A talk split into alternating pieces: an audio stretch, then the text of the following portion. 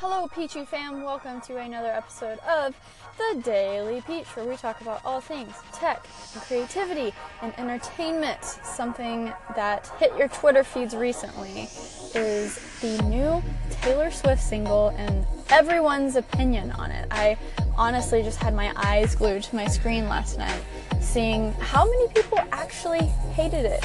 They have so many words about T Swizzle. Um, so, on today's episode, we'll be talking about that song that you've heard probably 500 times by now. You can't avoid it, and after a three year music making hiatus, Taylor Swift is back.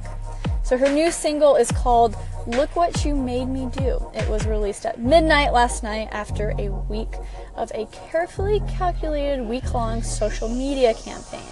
I had a miniature freak out of like, oh my gosh, T Swizzle is back. Um, because last Friday, Swift's social media presence was completely deleted. All of her accounts were blank, no posts, no photos or videos, so you knew something was up. Over the next few days, a mysterious video of a snake appeared on Swift's Instagram until Wednesday when her new album cover came out, which featured her in a tattered sweatshirt and the title Reputation in newspaper style font. Um, and yeah, my first impression was interesting. I, I wasn't too opinionated in the beginning, but for a little context, I have enjoyed all of Taylor Swift's music. It has unraveled through the coming years that maybe she might not be like the most rad human ever, but I enjoy her music.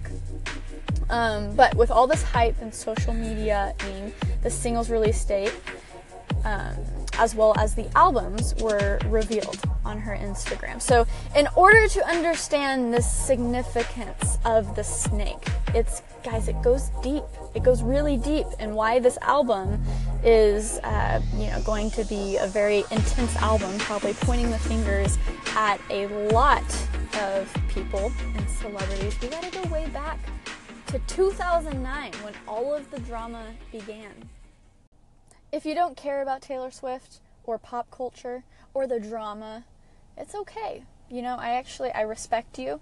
You you can follow up on things on tomorrow's The Daily Peach, but let's just hop right into this. So enter the VMAs. Video Music Awards 2009 when Swift's video from Love Story beat Beyonce's Single Ladies. When that happened, Kanye West jumped up on stage and interrupted her during her acceptance speech. Years passed, and it seemed like the two had made up. It was, it was fine, right? Everyone was talking about it, but it seemed like they moved on. Meanwhile, a feud brewed between Taylor Swift and Katy Perry when a group of dancers left Swift's tour to join Perry's in 2013. Swift publicly called Perry out, accusing her of poaching the dancers. This feud inspired the song Bad Blood on Swift's last album, 1989, as well as Perry's recent single, Swish Swish, which she just let out that music video for Swish Swish, which is really hard to say, by the way. And it is memed out to the max. Guys, it's like a YouTube video, and I didn't like Katy Perry's recent album that much, but this music video was so enjoyable for me. You have to go watch it. She even did the space meme where, like, you fall in the air and then you freeze and then space comes behind you and it's like bam bam meow meow meow meow meow that was in there so you need to go watch it right now. And that is why I'm not a singer. So now back to Kanye. Popstar Twitter lit up when a line off of West's new album, Life of Pablo, referenced Taylor Swift. So the line was, I feel like Taylor and me might still have sex. I made that biatch famous. Beautiful line by Kanye West.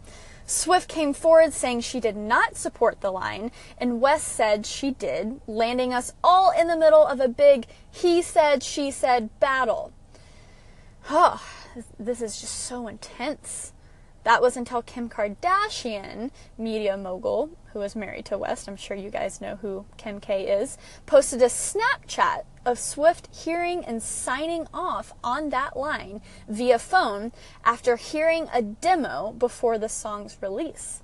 Swift is even heard on the call saying she'll tell the media she thought it was a great idea, that it was great. Kim K then tweeted about the snap on her Twitter with a bunch of snake emojis, branding Swift as a snake. So now we see Taylor reclaiming the snake symbol for her new album. So bold.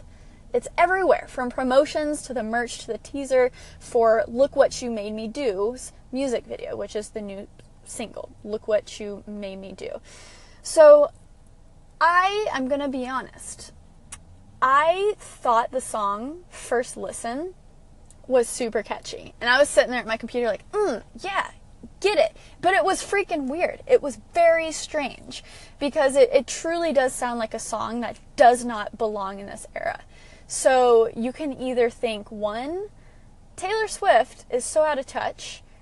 Like, how is this song even in existence in 2017? Or you can see it as, oh my goodness, Taylor Swift knows the future. This is where music's headed. She's, you know, she's usually on par with things. Um, but I'm just going to be honest first time, second time, third time I listened to it, back to back to back, I was like, this is freaking catchy. It's in my head. I dig it. Okay, but then I went to Twitter. Y'all just. Twitter did not like it. Twitter was tearing her apart. And the more I, I read people's comments and stuff, I'm like, okay, okay, I understand. I understand why. I mean, if you truly listen to the song, like half of it is almost laughable, but then you can't deny the funky beat. And honestly, some people compared the beat to that song, I'm Too Sexy for My Shirt. I think that's the title of the song. And if you listen to it, it's honestly very on par with the Taylor Swift single, which is quite humorous actually. But I I enjoyed it the first time listening to it, and it just gets me excited for what her album is going to sound like because it's it's going to be just so crazy. But then you think of the lyrics and what she's talking about, and it's it's not like super sophisticated. So I'm you can just tear the thing apart, but from the the standpoint of like, can you bob your head to it? Is it funky? Yeah. But here's one more opinion from the Brandon Powers. Hello, Sarah and Peachy fam. It's B Pow here, walking through the streets of New York, giving you my reaction to uh, the new T Swift single, Look What You Made Me Do. This is what I have to say. On first listen, I was appalled. Quite honestly, uh, it sounds like Britney Spears, like circa 2006, like this the blackout era from that album, you know, where she had do something that grungy dirtiness, where she was trying to have her first comeback from her kind of madness. That's what this sounds like. It doesn't sound contemporary. It doesn't sound like anything Taylor's done, and I know, okay, if you're a Swift fan, she can do whatever she wants. I'm with you as some big Lady Gaga fan and who loved her new album and new sound. That's not maybe a problem for her to do something new but it's just not that well written. It's self centered. Uh, for me, you know, there's so much going on in the world right now, and for her to come out with an album that is just like, it's me, I'm the victim, is really off putting. Um, all of her merch and design and this kind of quote unquote reclaiming of the snake uh, is just strange. I think people like I just trust everyone else that says she's a bad person honestly at this point and this song doesn't help very much. On the other hand, I will say this song is going to be absolutely drilled deep into my head. I've already listened to it like 10 times because of radio and other things. And yes, I'm succumbing. It becomes catchy. But I will say, I was listening to it the first time and said, no thank you. All right, those are my hard hitting thoughts. Talk to you soon. I think Brandon had fantastic points. Make sure to go follow him on the Instagram at bpow33. He actually helps me produce these episodes. So go give him a follow. He's a super cool, creative dude. But a lot of good points. And I think something that is worth mentioning that no one has really pointed out is the two songs that people have talked about in tandem with Taylor Swift's new song. I already forgot what it's called. All I remember is the beat that sounds like I'm sexy and I know it.